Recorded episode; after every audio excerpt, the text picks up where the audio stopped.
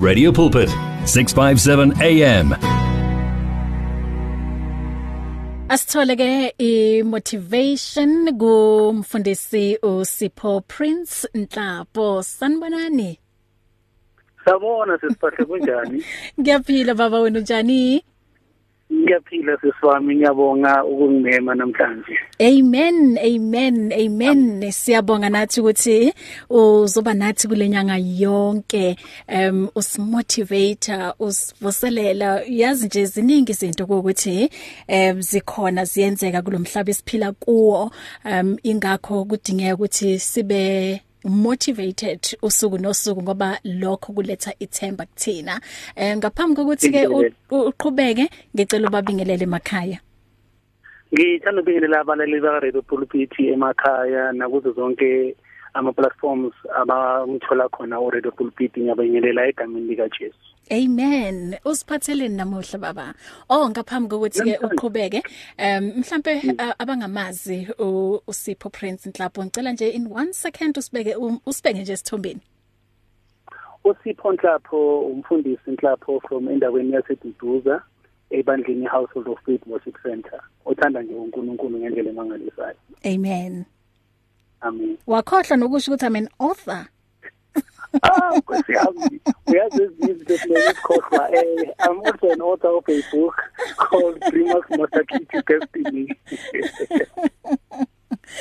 Okay mfundisi um ungasithulela ke lokho siphathele kona Haleluya eh balaleli namhlanje ngithanda nje ukuthi nginikhuthaze phansi kwesihloko esithi time to expand ngithanda ukufunda ezwini likaNkuluNkulu from the book of 2 Kings chapter 6 from verse 1 to verse number 7 Now the sons of the prophet said to Elisha, See the place where we dwell under your charge is too small for us. Let us go to the Jordan and each of us get there a log and let us make a place for us to dwell. And he answered, Go. Then one of them said, Be pleased to go with your servants. And he said, I will go. So he went with them, and when they came to Jordan, they cut down trees. But as one uh, as one was filling a log, his axe head fell into the water, and he cried out, Alas, my master, it was borrowed. Then the man of God said, Where did it fall? When he showed him the place, he cut off a stick and threw it there and made the iron float. And he said, Take it up. So he reached out his hand and took it. Phezu kwalamazwi ngithanda nje namhlanje ukuthi ngikhuthaze abalaleli eh ngesihloko esithi time to expand.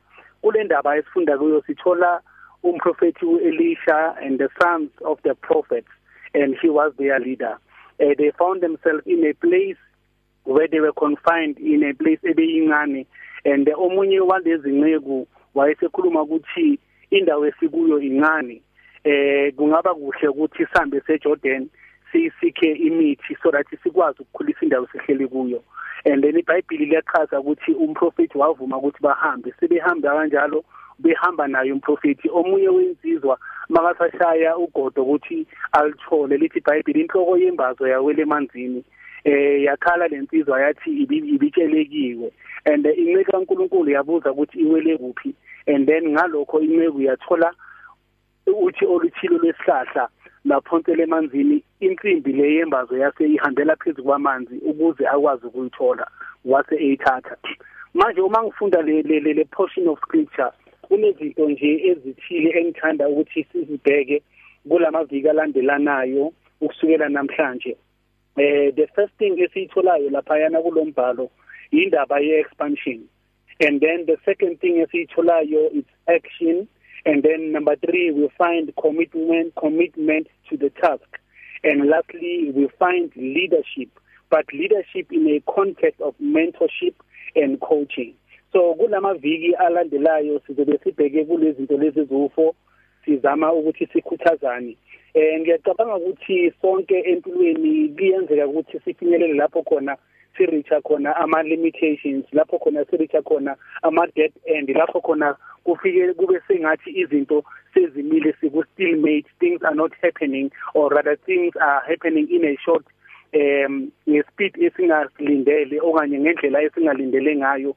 Kunama limitations that surround us eh kunezinto eziyama adversity ezenza ukuthi siphelelwe amandla and we find ourselves confined in a small place or confined in smallness. You know in most cases we major in the small things and forget the major things which is the purpose of God. Ngempilo yethu singabantu the major things which is the gifts the talents the dreams that God has given us. Because kuzo lezo zinto lezo we are able ukuthi uma sithatha isikhathi sethu and harness on those things we can grow and expand ourselves into becoming abantu abangcono and abantu abazo contribute into humanity but contribute also into the body of Christ. Now namhlanje nje ngoqala nje ngithanda ukuthi sike sikhulume ngegama elithi expansion and then bese sizoqhubeka kulamalanga amanye sibheke okunye. Now, what is expansion? Expansion can be defined as the action of becoming large. It can be defined as an action of becoming large and also expansion has to do with growth and development. eh i-expansion ihambisana nokukhula ihambisana nokuqhubekela phambili but also kunegama engifuna ukulisebenzisa elikhuluma about a progressive mindset when we are people who are willing to expand or who are ready to expand and become that which God wants us to be we we we, we work on our mindset we, we work on our lives ukuze izingqondo zethu zibe progressive. Asibi nomqondo o regressive asibi nomqondo osilimitayo but we allow ourselves to stretch ourselves beyond what limits us. Now, in many cases, we find ourselves majoring in smallness. I've already said this. We find ourselves majoring in, in, in, in smallness. But isikhathi sokuthi si-expande sesifikile. I want to believe ukuthi isimo isizwe nomhlaba wonke esindlula kuso se-COVID se-COVID-19 ziningi izinto ezenzakele empilweni zethu. We have lost a lot of things. Abanye balahlekelwe imisebenzi, abanye kube nama-salary cuts, kube nezinto ezihlukahlukene ezenzakalayo empilweni zethu singabantu. But i want to say namhlanje kukho konke okwenzakele. I know sometimes it is painful sometimes akukho mnandi. But i want to say today isikhathi sokuthi si major on smaller things it's over. It's time for us to expand. I want you to look at your inside look. Kulokhu uNkulunkulu akuphe kona. Look at your giftings and your talents. Bheka umsebenzi onawo bheka ibusiness onalo and be willing to expand yourself into greatness. Because uNkulunkulu he wants to make you big and he wants to make your name great among the nations therefore we must cease playing small and thinking little of our dreams wow. our aspirations and possibilities mm. now mm. through expansion we break all the limitations mm. through expansion we stretch ourselves beyond what limits us Mlaloli, wow. I want to encourage you today to seek growth mm. and become a better version mm. of yourself. Wow. Kunezinto nje ezintathu esizibonayo laphayana. Number 1, the sons of the prophet, they saw the need for expansion. Sometimes empilweni you need to come to a place lapho amehlo akavuleka khona ukwazi ukubona isidingo Mm. expansion in your life. Wow. Uthi makakhuluma uthi for the place we dwell in Mm. under your church is too small. You know, uNkulunkulu wants to expand us. He wants to expand our grace. He wants to expand our potential. He wants to expand our capacity. Therefore, we need to stretch ourselves into that. Number 2, there must come a time in your life when you must say I see a need for expansion and that will drive you to having a vision ngempilo yakho that that passion and a vision and a goal that you set to work around ukuze wakhe impilo yakho okunye ngithanda ukusho mhlambe let me just rather say three things that we need uh, in order for us to expand or rather izinto ezifanele si expande kuzo sengizovala number 1 expand in self you know expand ku personal growth singabantu we we we are people aba engineerwe ukuthi bakhule Mm. from from Mm. from birth uNkulunkulu usenze ukuthi sibe ne growth eh, eh, is inherited in our systems so kubalulekile ukuthi si understand ukuthi i growth must not only end ku physical structure but it must also grow spiritually we must also grow in knowledge we must also grow in skills we must also grow in our capacity of doing things singabantu therefore expand in self grow spiritually grow in knowledge Mm. get education get skilled get information. Sometimes information can not only be formal information like going to school. Even informal information go to library go to google learn about something learn about how to run a business how to start your own project and so on and grow yourself in knowledge. Amen. number 2 Um babuqapha. Yebo. Isikhathi sethu um isona nje esingasavumi ngoba ke selishayile lesithathu ihora. Um kodwa ke okungijabulisayo ukuthi next week usesekhona. Um kodwa ke wanamuhla ngikuzwile impela ngiyathemba nalapha emakhaya bayizwile indaba ebalekile ukuthi isikhathi manje to expand. Yazi akukho mnandi uthola uhlezi endaweni eyodwa. U2019 use sesela siyakubona futhi 2020 usesendaweni eyodwa 2021 awu singene futhi onyakeni omusha. Yeah so it's time now ukuthi usithathe serious. Isikhathi manje sokuthi ukhuphule lamasokisi and expand. Thank you so much ngale motivation enamandla.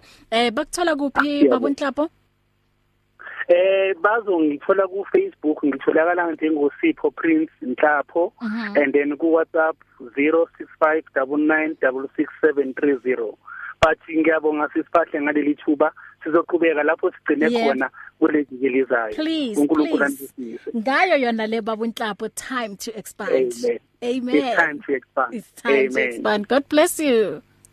Bless you too. Mm.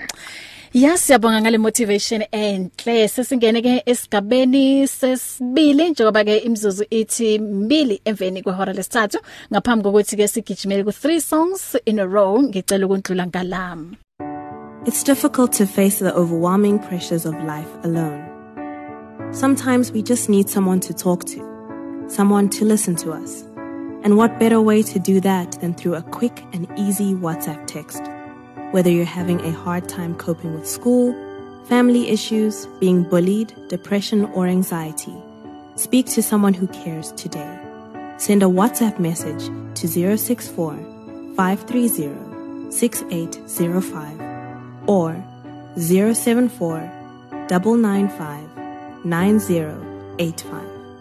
Our I Am Youth Counseling team, Charles DeToy and Danny Van Beely, are ready to connect with you today. One vision, one voice, one message. Radio Pulpit 657 AM and 729 Cape Pulpit, impacting lives from Gauteng to the Cape. You're at 657 AM. Radio with the truth in its voice. You and 657 AM and life, a winning team on the road to eternity.